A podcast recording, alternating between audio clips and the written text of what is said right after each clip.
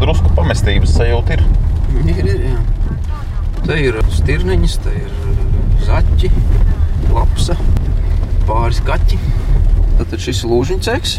Te atved metāla lūžņus, te viņus eh, sagatavoja kausēšanai, iepildīja iekšā lielos traukos, re, kur tur dziļumā viņi stāv. Tad viņus Plašajā kādreizajā Liepājas metālurgu teritorijā aiz barjeras mani ved Liepājas speciālās ekonomiskās zonas pārvaldnieka vietnieks attīstības jautājumos Uldis Hmieļevskis. Kaut kas notiek. Jā, ir maksātnespējīgais uzņēmums, kā vēl Liepājas metālurgs, kuram pieder aktīvi tur kaut kādi inventārs un, un materiāli. Administrators strādā un šos lūžņus zāģēm. Tad ir uzņēmums Felma. Privatizācijas aģentūras meita, kurai arī vēl ir kaut kādas iekārtas viņa īpašumā, un tad ir liepais stila, kurš iegādājās šo elektrokausēšanas krāsni. Liepais aiz, kurš ir šobrīd kļuvis par šīs kopā ar Liepais pilsētu, faktiski visas šīs te teritorijas nekustamā īpašuma īpašnieki. Vairāk nekā 120 hektāru zemes un ēkas, tā sauktajā tērauda kausēšanas krāsnes pusē starp pilsētā iebraucamo centrālo šoseju un Liepājas ezeru, pašlaik pieder domei un Liepājas speciālajai ekonomiskajai zonai.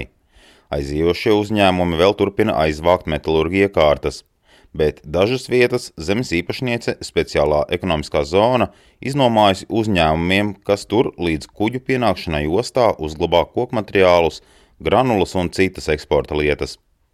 Uldis Hmieļevskis uzved uz dzelzceļa depo ēkas jumta, no kura paveras skats uz visu plašo teritoriju, tajā skaitā ar būgružiem gadu desmitos aizbērto ezermalu. Šobrīd ja mēs redzam, te viens tāds liels klājums, kurā piebraukt var tikai pa tādiem grunts celiņiem. Attiecīgi šeit visā šajā teritorijā šķērsos vairākas jaunas ielas, tiks uzveidoti tādi jauni kvartāli, kur attiecīgi var būvēt jau jaunas rūpnīcas un, un teiksim, noliktavu loģistikas uh, objektus. Ja. Ir plāns tāds, ka šeit, šeit teritorijā cauri iet jaunas ielas ar veloceliņiem, ar kokiem, nu tā kā, nu, tā kā jebkur pilsētā. Ja. Žogas nav, caurlaida nav attiecīgi, tu šeit kā tādā normālā pilsētas daļā arī braukt cauri, braukt uz darbu, braukt ar riteni, gar ezeru malu. Ja. Kaut kas no tā vecā ir tiks atstāts un izmantots. Un, piemēram, šis betona ceļš, ja, viņam tur ir nu, krietni biezs tas pīrāgs. Ja. Tas būtu vienkārši muļķīgi viņu lauzt augšā. Ja. Nu, tad, tad, okay, to mēs varam izmantot. Ja. Bet nu, cits viss te ir. Nu, jābūt, Šī ēka, uz kuras jumta mēs esam? Šis ir uh, depo. Iekšā ir uh, lokomotīvas un, un attiecīgi tika veikti remonti dzelzceļam. Šī ir viena no tām ēkām, kas varētu tikt arī saglabāta. Liepājas speciālās ekonomiskās zonas un domas ambīcijas paredz, ka pēc diviem gadiem metālurgu teritorijā varētu sākt sakārtošanas darbus.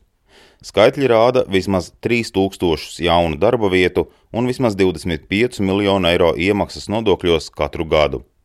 Lai to panāktu, pilsēta infrastruktūrā domā ieguldīt līdz 50 miljoniem eiro, bet no privātiem investoriem sagaida ap 400 miljonu investīcijas industriālā parka ražotnēs.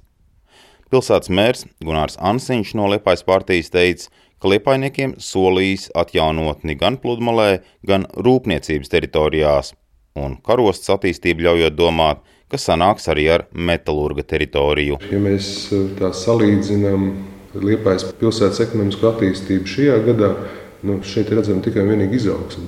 Tas darbs, kas ir darīts līdz šim, skaidri norāda uz to, ka Liepāja var piesaistīt jaunas investīcijas.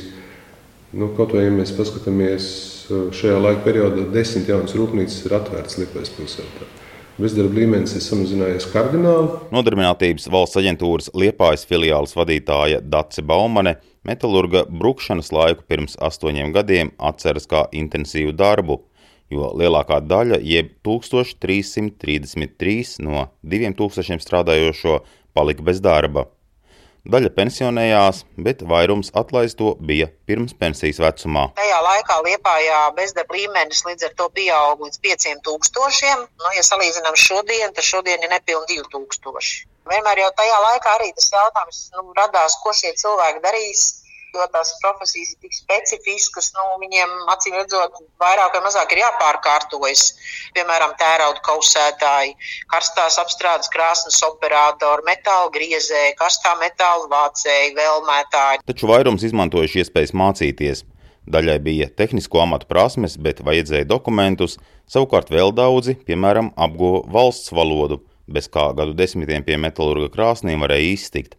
Tādējādi citi uzņēmumi varēja tikt pie kvalificētiem metinātājiem, inženieriem, arī smago autovadītājiem.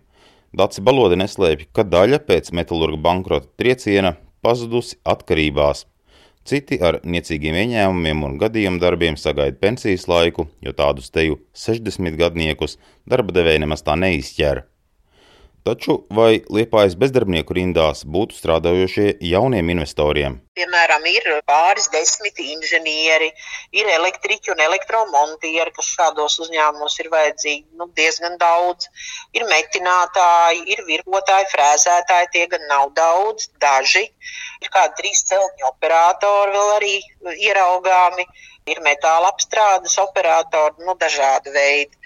Nu, varbūt, varbūt, ka var arī izdoties kaut ko sakomplektēt viņiem. Nodarbinātības aģentūras vietējās filiāles vadītāji atzīst, ka gandrīz puse bezdarbnieku ir tā sauktie ilgstošie, ko dabūt pie darba diez vai vairs izdosies. Daudzi arī sagandējuši veselību, jo dzīves laikā par to nav gādājuši. Taču ir arī liela daļa mainīgo bezdarbnieku, kas parāda ne tikai darba spēku kustību, bet arī tā trūkumu, darba devēju cīņu par strādājošiem un no tā izrietošu algu paaugstinājumu. Edgars Kupčs, Latvijas radio.